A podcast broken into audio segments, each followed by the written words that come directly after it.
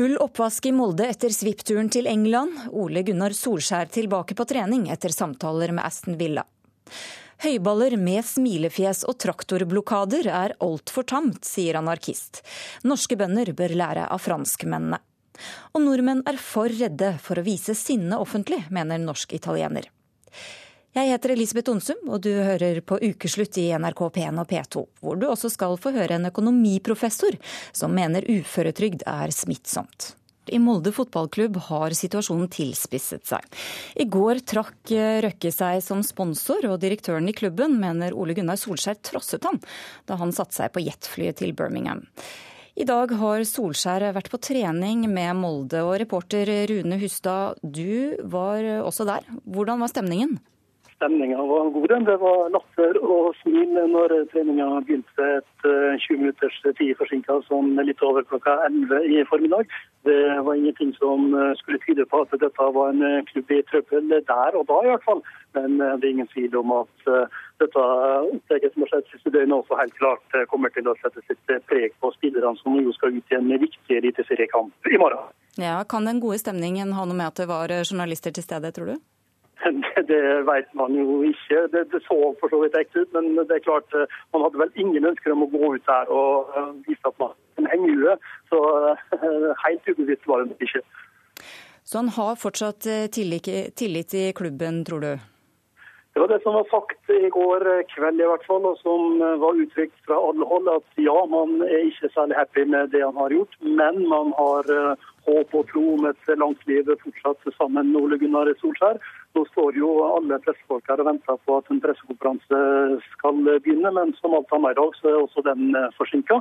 Og der får vi vel enda tydeligere svar forhåpentligvis på hva som skjer fremover mellom Molde og Solskjær. Ja, takk skal du ha, reporter Rune Hustad.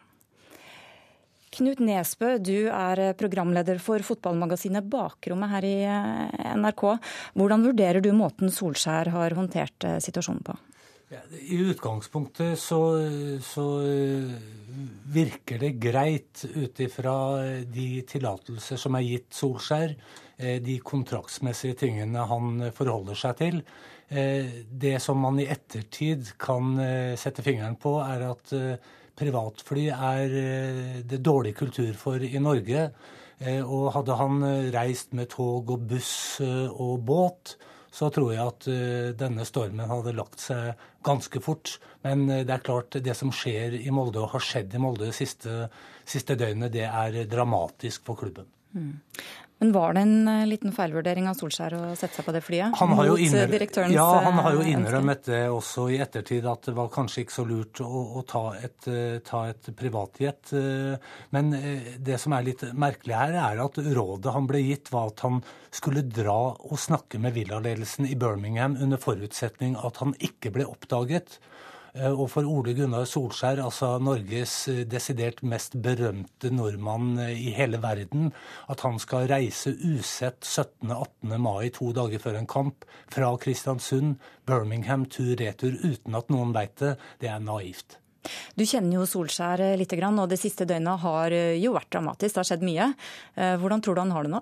Jeg, jeg tror han syns det er vondt å få skylda for at Molde mister sin viktigste sponsor, Aker-konsernet. At Røkke er rasende. Han har møtt raseri hos folk før. En Alex Ferguson har et temperament, han også, som Solskjær har, har fått merke.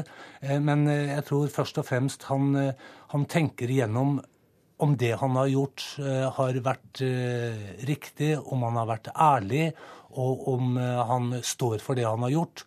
Og han sier at han ikke angrer noe, og da tror jeg Solskjær på det. Mm. Kristian Evenshaug, du sitter i styret til den norske supporterklubben til Aston Villa. Hva tenker du om det som har skjedd det siste døgnet rundt Solskjær? Vel, jeg er også litt overraska over at det har blitt så mye støy rundt det. Slik som jeg har oppfatta det, så tok Aston Villa kontakt med Solskjær. Og Solskjær informerte klubben om at Villa ville prate med han, og at han da har fått godkjennelse til det. Så jeg er litt overraska over at det har blitt så mye bråk i etterkant. Ja, for Det skal vi ikke glemme her. Altså, det er ikke en hvilken som helst klubb som har tatt kontakt. Hvor stort er det? Aston Villa er blant de aller største klubbene i England. Det er den fjerde mest suksessrike klubben i historien i England. Kommer jo fra Englands nest største by. Har en stor stadion, veldig mye supportere. Så det er en veldig stor klubb, det er det. Hva tenker du, Ønsker du Solskjær som trener for den klubben?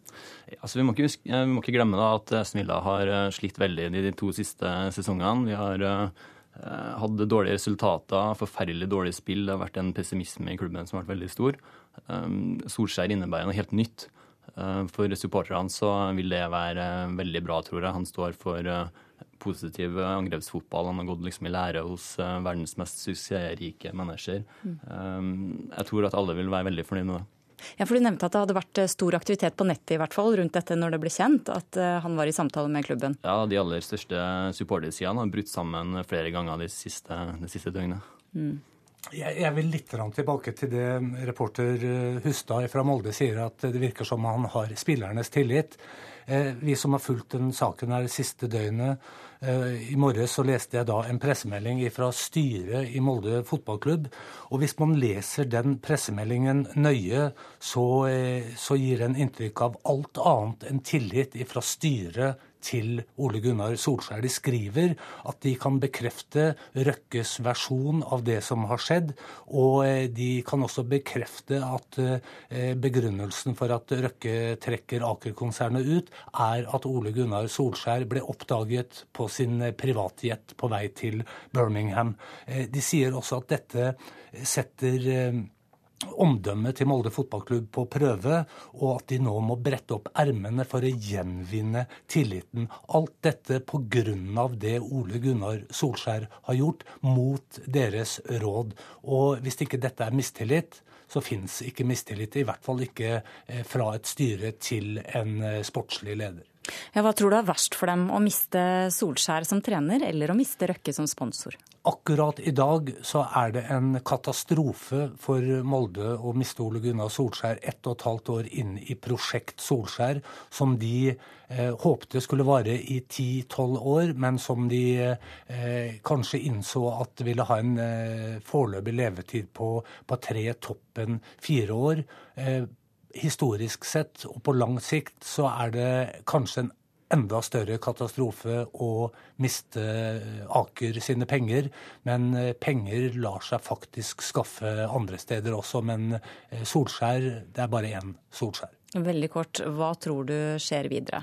Får han trenerjobben i, England? Jeg tror eh, kanskje at Solskjær blir manager i Aston Villa. Om han ikke blir det nå, så eh, kan han leve godt som Molde-trener så lenge han eh, selv ønsker, men sannsynligvis uten eh, Kjell Inge Røkke som sin personlige venn. Mm, Evensaug, hva tror du? Jeg tror at hvis han får tilbudet, så sier han helt klart ja. Jeg tror også at det er en god mulighet for at han faktisk får et tilbud. Takk skal dere ha. Aksjonsformen til bøndene er altfor tamme, sier anarkisten Øystein Meyer Johannessen. Denne uka slapp bøndene frustrasjonen løs etter at jordbruksforhandlingene med staten brøt sammen.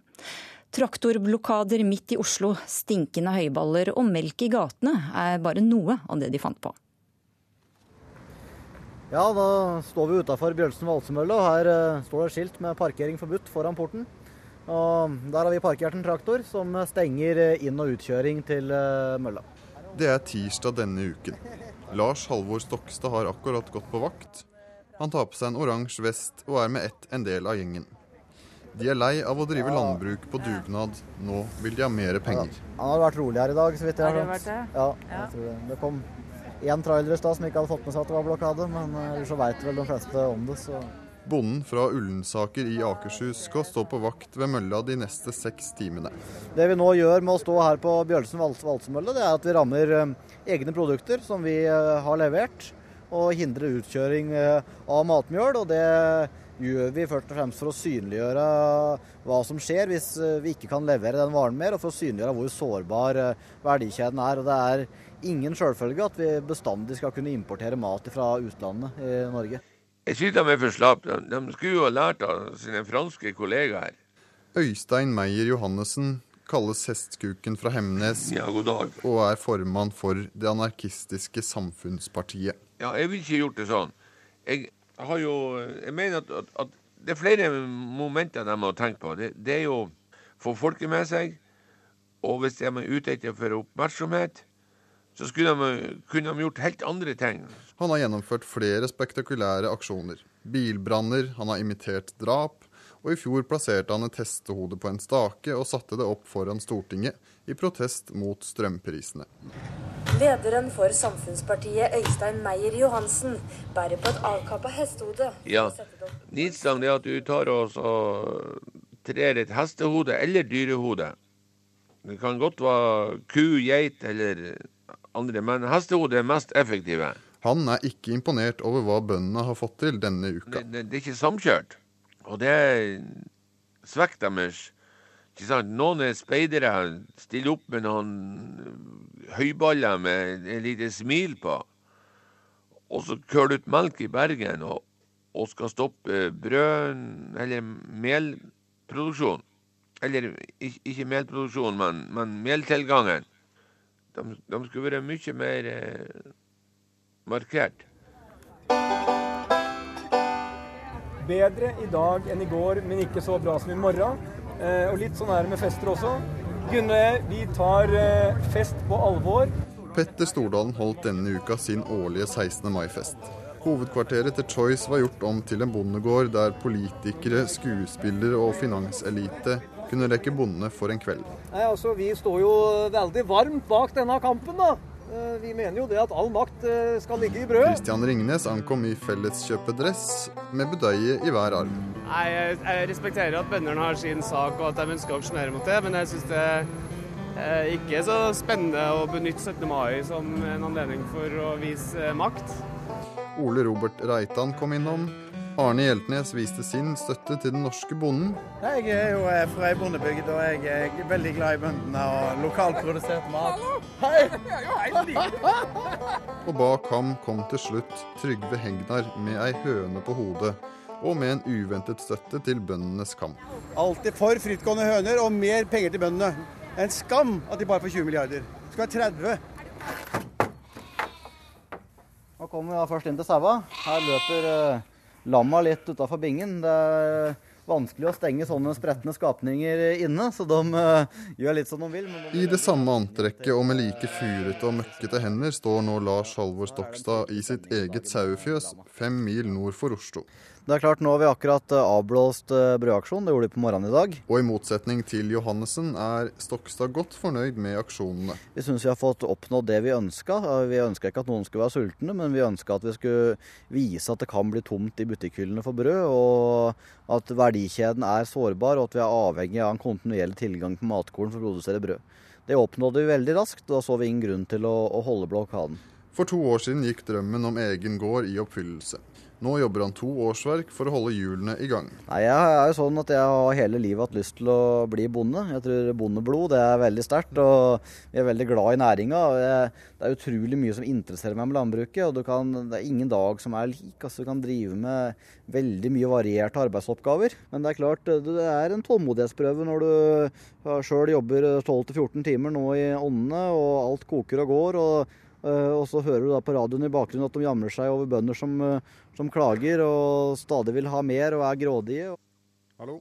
Ja, hallo, ja.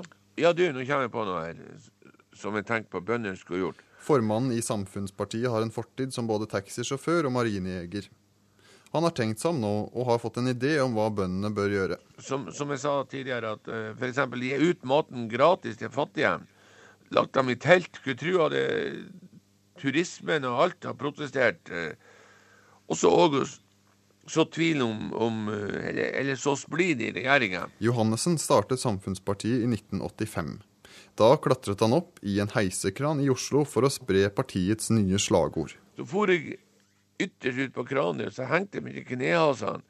Og så hengte blylodd i eh, tøyet, sånn at det samlet seg jo masse folk på gata, og de trodde jo at det var en selvmorder som var på vei. Og så gikk det jo ned Banneret ramla jo ned, vet du. Så, så, så kom det fram budskapet. Gro er for trang, Kåre er for slapp, stem Samfunnspartiet. Jeg hang jo bare som ei apekatt oppi, oppi heisekrana, ikke sant? En, en, en gæren nordlending som hang, hang oppi heisekrana uten at folk forsto hva dette var for noe. Så Det var en eksempel på en sånn mislykket form for uh, aksjon. Ja, nå er vi hjemme på gården hos meg, som ligger i Ullensaker i Akershus. Så nå står vi ved siden av såmaskin. Tilbake på gården til Lars Halvor. Han har tatt seg fri denne uka for å aksjonere. Og hvis konflikten trappes opp, så har bøndene planene klare. Blir det behov for det, så har vi mye hardere skyts vi kan bruke. Vi har planer som ligger klare i skuffen, men det er planer som vi aller helst vil slippe å bruke. og det er klart Jeg kan i hvert fall love at vi slipper å se franske tilstander her i Norge. Vi får ikke møkkjøring på Karl Johan eller uh, mjølkespredning på Jernbanetorget eller brenning av bildekk og blokkering av flyplasser. Det holder vi oss for gode til. Reporter var Aksel Wilhelm, Wilhelm heter han, Due. Og på mandag varsler Norges Bondelag storaksjon i Oslo. Men i Frankrike er ikke bøndene spesielt imponert over innsatsen. De er verdenskjent for aggressive demonstrasjoner, og i god revolusjonsånd er det gatas parlament som rår. Kollega Erik Aasheim har mer.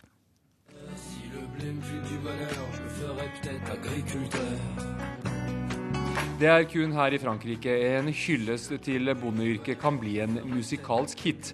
Den handler om drømmen om å bli bonde. Men kampen for å overleve er hard. On ne meurt pas en silence. I Frankrike dør vi ikke i stillhet, sier Gérard Samla, lederen for jordbrukskollektivet på Atlanterhavsøya Noir-Moutier. Her dyrker man Frankrikes Rolls-Royce-poteter. Dyrket i sand med tang og tare som eneste gjødsel, er de smakfulle potetene favoritten til de beste restaurantene. Utenfor kooperativen står traktorer i kø med tilhengere fulle av poteter. Denne gang skal de leveres, men på en opprørsk dag kunne potetlasten like godt ha vært på vei inn til nærmeste storby for å blokkere innfartsårene. Dere begynner å bli europeiske, humrer bondehøvdingen i dette potetriket når han hører om norske bønders aksjoner. Men han er ikke veldig imponert over talentet for å lage støy.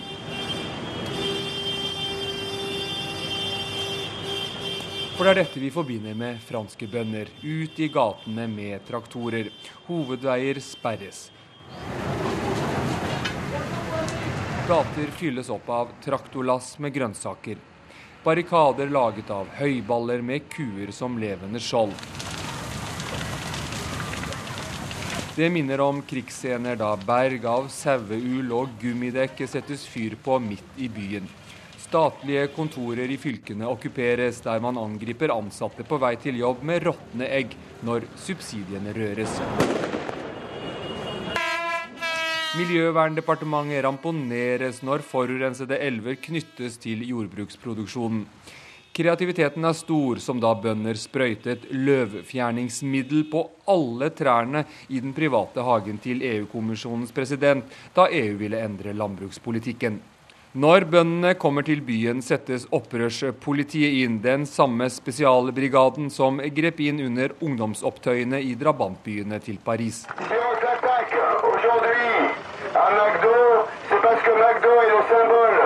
Den mest kjente bonderebellen er José Bové. Antiglobalisten ble verdenskjent da han i 1999 ledet ødeleggelsen av en McDonald's-restaurant i Sørvest-Frankrike. De demonterte restauranten dagen før den skulle åpne. Det ga fengsel for McDonald-terroristen. Men drømmen om å bli bonde frister også færre i Frankrike. Il y a 20 ans, il y en a moins de 500 000. For 20 år siden var det 1 million bønder. I dag er det rundt 500 000. Vi er et stort land med 65 millioner innbyggere, så vi må kjempe med alle midlene vi har, sier lederen for jordbrukskollektivet på øya Noir-Moutier, Gérard Semla. Akkurat nå kom det en melding om at eh, Ole Gunnar Solskjær sier at han ikke har planer om å slutte i Molde nå. Det sa han også på eh, en eh, pressekonferanse i Molde akkurat nå. I går dro Solskjær til England for å snakke med Aston Villa, som er på jakt etter ny manager. Molde-investor Kjell Inge Røkkes reagerte med å trekke selskapet Aker ut av sponsorsida i Molde. Og i dag måtte altså fotballklubben kalle inn til pressekonferanse. Jeg har sagt det mange ganger, jeg har ambisjoner om å bli manager i Premier League. Og, men det må være når det er sagt. Jeg har ikke tenkt på å uh, Jeg har ikke vært og lett etter jobb. Jeg søker ikke etter jobb noen plass. Jeg trives veldig godt her. Jeg føler ikke at jeg har noe mistillit fra, fra noen. Vi, vi, hadde en god prat i morges hvor vi, vi, er enige om at vi skal se fremover. Det er det som er viktig at vi gjør. Vi har fått nye utfordringer, ja, og dem skal vi ta. For dem er vi klare til å ta. Ja, Det sa altså Ole Gunnar Solskjær på en pressekonferanse i Molde. Det gir mestringsfølelse å klare å ta eksamen, sier Siri Marie Sønsteli, som overlevde Utøya-massakren. Det har vært vanskelig for henne å konsentrere seg om å lese og samtidig følge rettssaken i Oslo. Det forteller hun pappa Erik Sønsteli på Skype fra England. Ja, Siri. Eh, du har lest eksamen, hatt eksamen i dag. Hvordan var det? Nei, det har vært greit. Det er tungt fordi jeg har så dårlig konsentrasjon. Men jeg har klart å ta eksamen. Jeg har klart å fullføre den ene. Da kan man jo være stolt av det, på en måte. Du har lys i stemmen når jeg snakker med deg på Skype nå. Det, du er jo ferdig i dag? Jeg er ferdig med én i dag, men det er på en måte Jeg vet ikke om det er bra, men det er på en måte mestringsfølelse å si at du har klart å ta en eksamen. Hvordan har det vært, har du klart, Når du har lest nå de siste dagene, har du klart å fristille deg fra det som har foregått i Oslo i rettssaken, eller har, du, har, det virket på deg noen, på noen, noen måte? Jeg har ikke klart å fristille meg helt de siste ukene, selv om jeg kanskje burde gjort det for å konsentrere meg bedre. Men jeg har fulgt med litt på noen obduksjonsrapporter fordi det føles viktig å se hvordan de som døde, var. Mm. Det er så veldig dårlig forbindelse på Skypen. Vi hakker så fælt, eh, Siri. Så jeg, jeg får gi meg. Jeg sitter på jobben her. Det er 18. mai nå. Jeg prøver å jobbe litt noen eh, timer på den inneklemte dagen. Hvordan hadde du det på 17. mai i går, da? Tenkte, var det en dag bare eksamensløsning, eller? Man kunne se på den som spesiell, men for meg innebar det å lese til eksamen og ta én is. Mm. Eh, så jeg fikk på en måte ikke kjenne på noe av det eventuelt andre måtte utenom den dagen kanskje er viktigere, selv om jeg syns 17. mai skal være 17. mai fordi det er en glad dag. Mm. Du hører på Ukeslutt i NRK P1 og P2. Den neste halvtimen får du bl.a. høre at én av fem arbeidstakere er for syke til å jobbe. Uføretrygd er smittsomt, sier økonomiprofessor. Nordmenn blir straffet om de viser sinne offentlig, sier norsk-italienske Pellegrino Riccardi. Å være lesbisk gikk utover min gudstro, sier Mari Jønland. Etter bønn og samtaler ble hun hetero. I utlandet er folk forundret over hvor lite sinne nordmenn har vist i offentligheten etter terroraksjonene. Men da irakiske Haider Mustafa Qasim, eh, som mistet broren sin på Utøya, kastet en sko etter Anders Behring Breivik, skapte han overskrifter. Han forlot rettssalen til applaus. Pellegrino Riccardi, du er ekspert på tverrkulturell kommunikasjon. Hva syns du det sier om vårt forhold til å vise sinne offentlig? Altså, da jeg hørte den uh, historien av uh, det som skjedde, så Det som slo meg først, var at folk i salen klappet. At det kom ut et par bravo fra publikum. Og det forteller meg at de fleste uh, forstår veldig det han gjør, men føler at de ja, på en måte ikke blir tillatt å gjøre det selv. Hvorfor er det sånn? Altså, kultur, da, altså det begrepet kultur, det, det, som jeg jobber med til daglig, det er en slags eh, programmering av handlinger, måten vi tenker, måten vi føler. Og når det gjelder norsk kultur eller norsk væremåte, så er det ikke tillatt å, å ha sånne utbrudd i rettssalen. Spesielt i, rettssalen, i det offentlige rom. Man kan gjøre det hjemme, i det private, men i det offentlige rom så blir man straffet for det. Og det finnes mange eksempler på dette her i norsk offentlig rom. Jeg tenker spesielt på hun eh, Liv Signe Navarsete. Sitt eh, voldsomt utbrudd, ble det betegnet som i norske medier. Hun måtte til og med komme på TV neste dag og beklage sitt voldsomt utbrudd. Og jeg viser den videoen av eh, Liv Signe Navarsete rundt i verden, og viser et norsk voldsomt utbrudd. Og, og, og, det blir møtt med beundring. altså Folk er litt sånn, de stusser veldig og skjønner ikke hvordan dette kan oppfattes som et voldsomt utbrudd. De ser at hun er sint, Men hun viser ikke det sinnet som de er vant til. Einar Øvrenge, du har doktorgrad i filosofi. Eh, er det bra eller er det mindre bra at vi kontrollerer eh, følelsene i så stor grad? Det er bra. Jeg tror, jeg tror det er bra. Altså, altså Kontrollere følelser, altså impulskontroll, er en av de mest grunnleggende ting for oss mennesker. At vi kan gjøre det. Og skille mellom det å ha lyst til å gjøre noe, og det å faktisk gjøre det. Det er et veldig sånn grunnleggende skille. Men hvis motivasjonen er eh, at vi blir straffet hvis vi viser følelsene, er det bra da? Ja, straffet og straffet. Altså, det jo kulturelle sanksjoner i hele verden, også Irak selvfølgelig. Bare at det er forskjellige kulturelle sanksjoner. Det er veldig viktig å huske på. Men jeg tror veldig mange, jeg tror for det første så sitter det veldig mange i rettssalen der som er sint. Det er jeg helt sikker på. De er sinte. Men de har også tatt en beslutning på hvor de ønsker å vise frem det sinnet. Hvor hører det sinnet hjemme hen? Eh, jeg vil si det sånn at det er eh, det er forståelig at det kan skje, men det er, det er, ikke ønskelig. Vi ønsker ikke at man universaliserer en sånn handling, slik at alle begynner å kaste sko eller leve ut sine, sitt sinne i rettssalen. For da vil vi faktisk ikke kunne gjennomføre rettssaken på en skikkelig måte. Eh, og en forutsetning for at et rettssystem skal fungere, der faktisk folk eh, sier at ok, det er visse ting jeg skal velge å ikke gjøre her for å få det til å fungere i henhold til grunnleggende rettsprinsipper osv. Men rettssalen er nå en gang litt forståelig, at eh, der må det foregå i sømmelige former. Men ja. kunne man tenke seg at man hadde sett uttrykk for dette sinnet andre steder i offentligheten? Ja, det kunne man, men, man, men hvorfor må man nødvendigvis se det i offentligheten? For jeg er helt sikker på at folk kan tenke at jeg ønsker å vise frem det sinnet som er blandet veldig med sorg, vil jeg tro der hvor jeg føler at det er det riktige stedet å vise frem, som er kanskje i det private til de som står meg nærmest osv. Det er ikke sikkert jeg syns det er nødvendig å vise frem i det offentlige rom. Det jeg vil si er at det fins mange forskjellige kulturelle praksiser. Men jeg tror vi skal være veldig forsiktige med å, også si noen av de er mer ekte enn andre, eller andre er mindre ekte enn noen, at noen er mer undertrykkende. Eh, og generelt sett så vil jeg nok si at det er nok mer kulturell undertrykkelse i Irak enn i Norge. Uten også, det tror jeg ikke er noe bombe heller, sånn sett. Så, så, så, så, du kan si det sånn at alle, alle, kulturer har det trekket her. Vi har det bare på litt forskjellige måter. Men jeg syns det å f.eks. Eh, legge bånd på seg følelsesmessig kan være veldig riktig i mange sammenhenger. Og andre sammenhenger kan det være greit å slippe det ut. Hva tenker du, Pelgrim? Altså, jeg, jeg, er helt enig med det som Øverenge sier. Han har helt rett. Det som slo meg igjen med den rettssalen, at folk applauderer. De klapper. Hvorfor klapper de, da? Det er det som, ja. Eh, det, det, det som jeg reagerer på. Hvorfor klapper de? Ja. Det forteller meg at de ønsker å gjøre det. At det er menneskelig og naturlig å gjøre det. Men de føler at ja, altså kulturelle koder Det er litt befriende at noen tør? Eller? Jeg, jeg, jeg, sånn? jeg, prøver å være veldig forsiktig med å forsøke å finne ut hva folk føler når de klapper. Eh, jeg vet ikke. Jeg kan tenke meg at det var ti forskjellige grunner til at de forskjellige klappet. At de hadde helt forskjellige personlige motiver for å klappe. Det kan være uttrykk for usikkerhet. Hva skjer nå?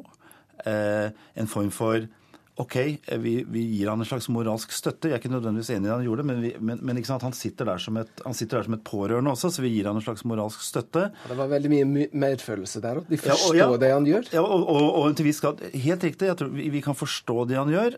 Eh, men det er ikke sånn at vi mener at man bør gjøre det. Eh, og jeg er av den oppfatning at man ikke bør gjøre det. Jeg tror det er bra om man ikke gjør det. Ja, men, men hvorfor det? Fordi eh, Hvorfor kan man ikke liksom, åpne ventilen litt grann, av og til? Jo, du bruker, et, du bruker et veldig interessant metaforikk her. Ventilen og trykk og sånt. Og dette, er, dette er mm. metaforer fra Freud. ikke sant?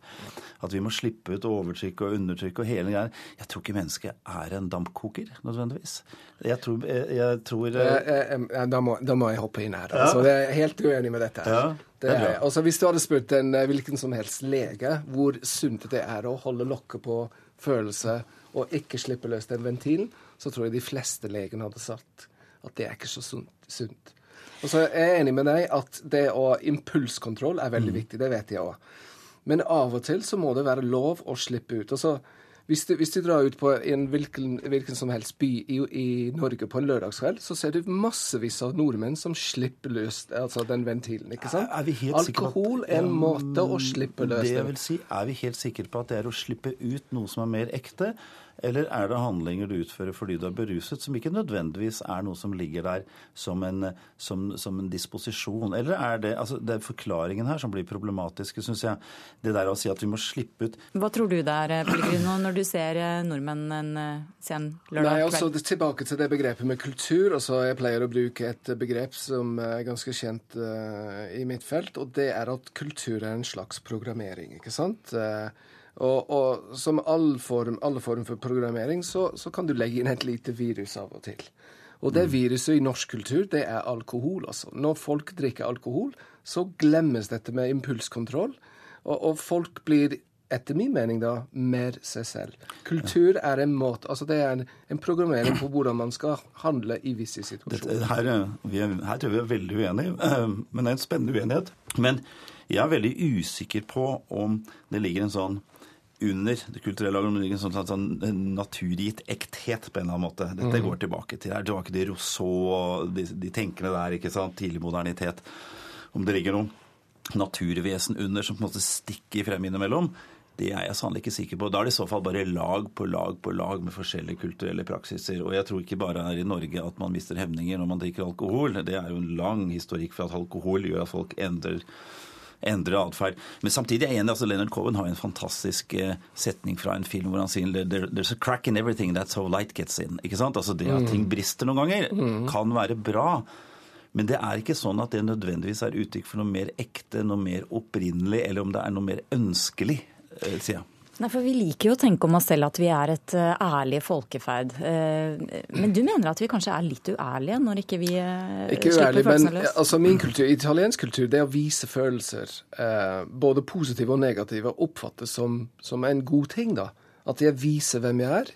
At jeg gir andre mulighet til å forstå hvordan jeg har det.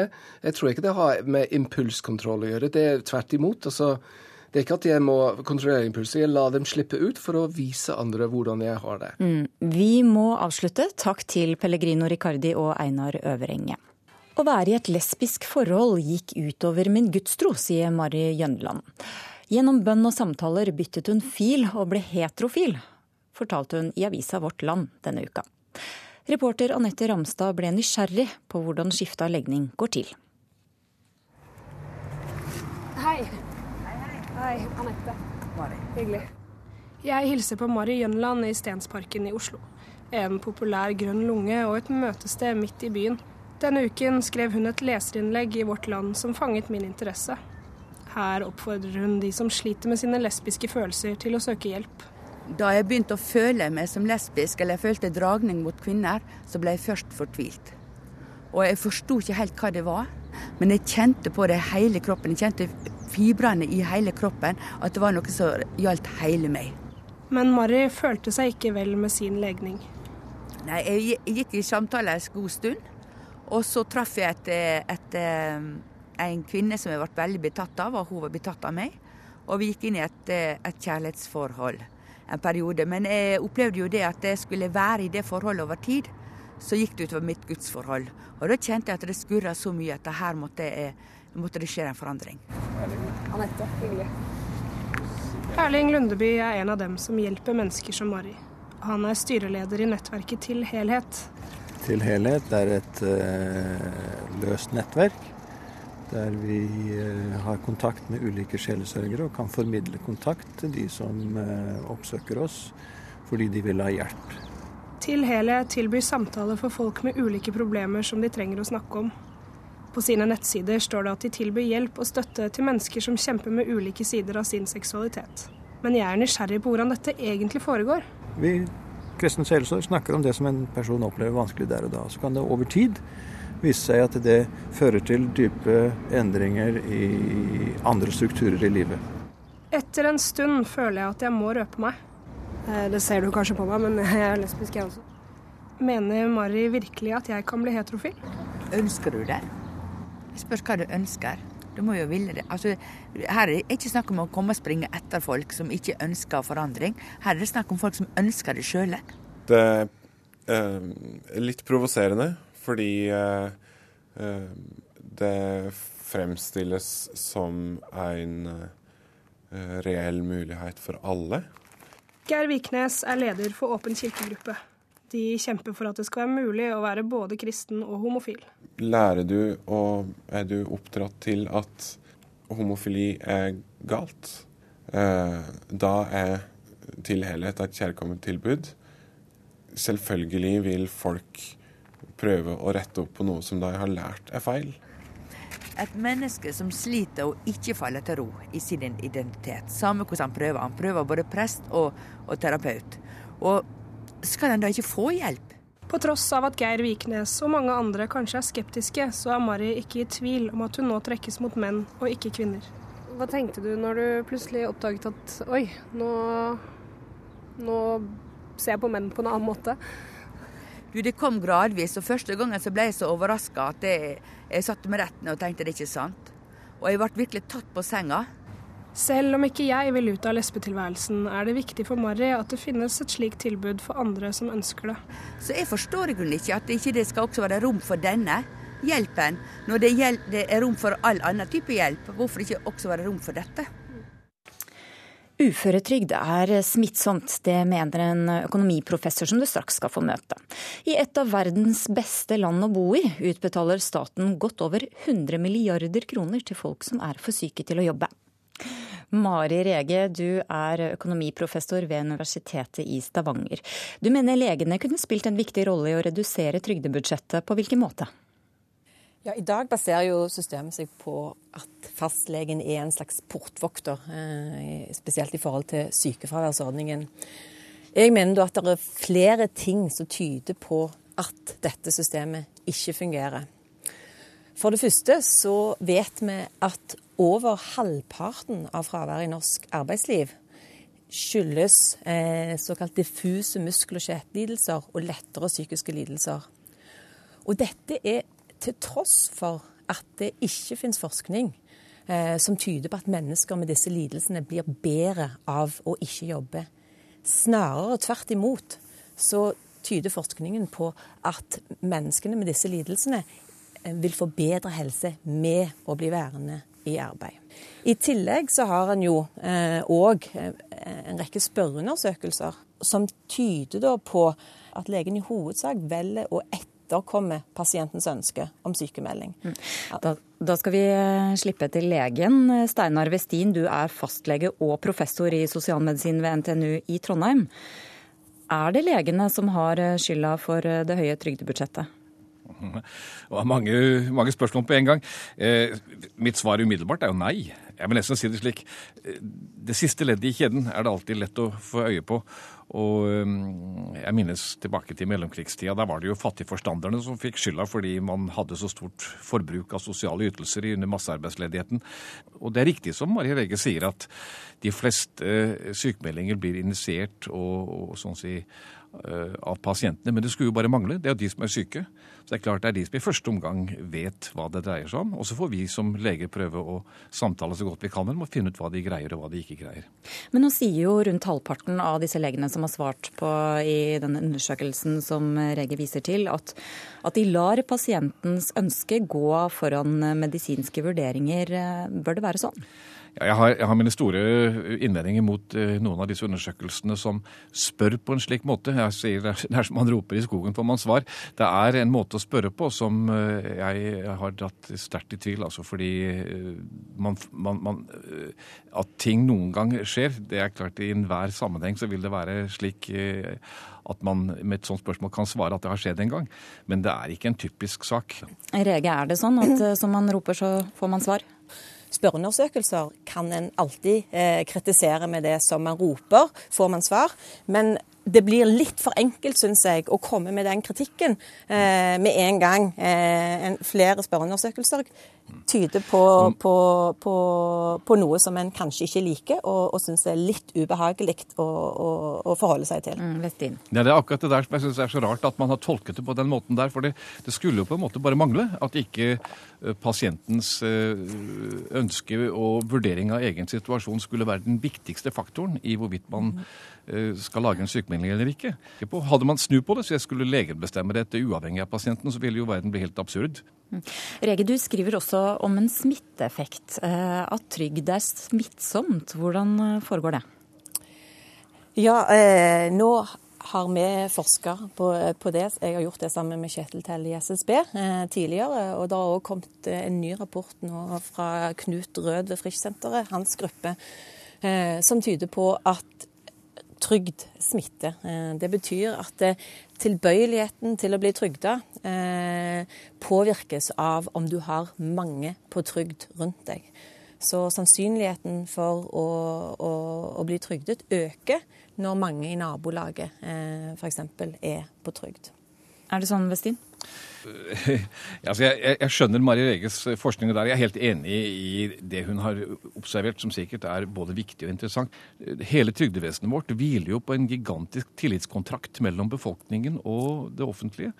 Men eh, dette med å kalle det smitte syns jeg er nedvurderende og veldig, veldig sårende for folk som er litt nede på samfunnsstigen. Vi bruker ikke ordet smitte om menneskelig atferd ellers i samfunnet, unntatt når det gjelder de som på en måte er i forsvarsløs posisjon. Og så er det jo slik at vi er ikke oppe i en krise akkurat nå. Eh, vi har jo en, en, en økende andel graderte sykemeldinger, hvor nettopp fastlegene tar høyde for at vi skal prøve å se hva som er av såkalt restarbeidsevne. Vi har ikke noe økning i sykefraværet som er på noe påtagelig vis nå. Vi har et egenmeldt fravær på dette korttidsfraværet som er omtrent flatt i Norge. Det er, det er, ikke noen tendens til at det øker heller. T-dagersene som mange snakker om, er ikke på økende tendens. Tvert imot. Og dermed så syns jeg ikke vi har en situasjon som vi behøver å være veldig bekymret for. Okay. Eh, det er jeg veldig uenig i. Altså, eh, vi, har, eh, vi har ingen økning, men vi eh, har heller ingen nedgang, til tross for at myndighetene i flere tiår nå har satt inn store ressurser på å prøve å få en nedgang i, i det helserelaterte fraværet i norsk arbeidsliv. Eh, og hvis en ser på tall bare fra nasjonalbudsjettet, så, så, viser det seg at vi har ikke råd til å ha én av fem eh, etter, på, på, helserelaterte trygdeytelser, sånn som vi har nå. Eh, spesielt blir jo denne eh, uroen forsterka når eh, vi får flere og flere eldre. Da skal den arbeidsdyktige eh, befolkningen finansiere flere og flere som ikke er i arbeidsdyktig alder. Eh, så dette, dette, er alvorlig. Altså Sykemelding er jo ikke bare spørsmål om man blir bedre eller ikke bedre av å være i aktivitet, men spørsmålet er jo faktisk om man greier jobben. Ja. Og, det er den vanligste grunnen til at vi har sykemeldinger. Det er jo rett og slett at folk av en eller annen grunn ikke makter det de skal gjøre. Og det er avhengig av hva slags type jobb folk har, selvsagt. Men, men, der er det jo òg eh, en norm som, som denne ekspertgruppen eh, prøver å bryte med. Altså det der med at en ikke greier å gjøre jobben eh, med disse diagnosene. Selv, selvfølgelig er det mange som ikke gjør det, men, men eh, mye tyder på at, eh, at, det henger igjen normer, spesielt kanskje blant de eldre legene, der normen er at, at, vi ikke greier jobben med disse lidelsene. Jeg tror at legene har en veldig viktig rolle i å være den pasienten kan se i øynene og diskutere alvorlig hva de får til og ikke får til. Og klart, Vår jobb er jo ikke å sykmelde i forhold til bare en, eh, en, diagnose, men vi må virkelig bruke tid på å finne ut hva den enkelte får til. Men Rege, hva er da medisinen mot denne smitten? Er det sterkere kontroll med legene, eller eh, må folk skjerpe moralen sin? Ja.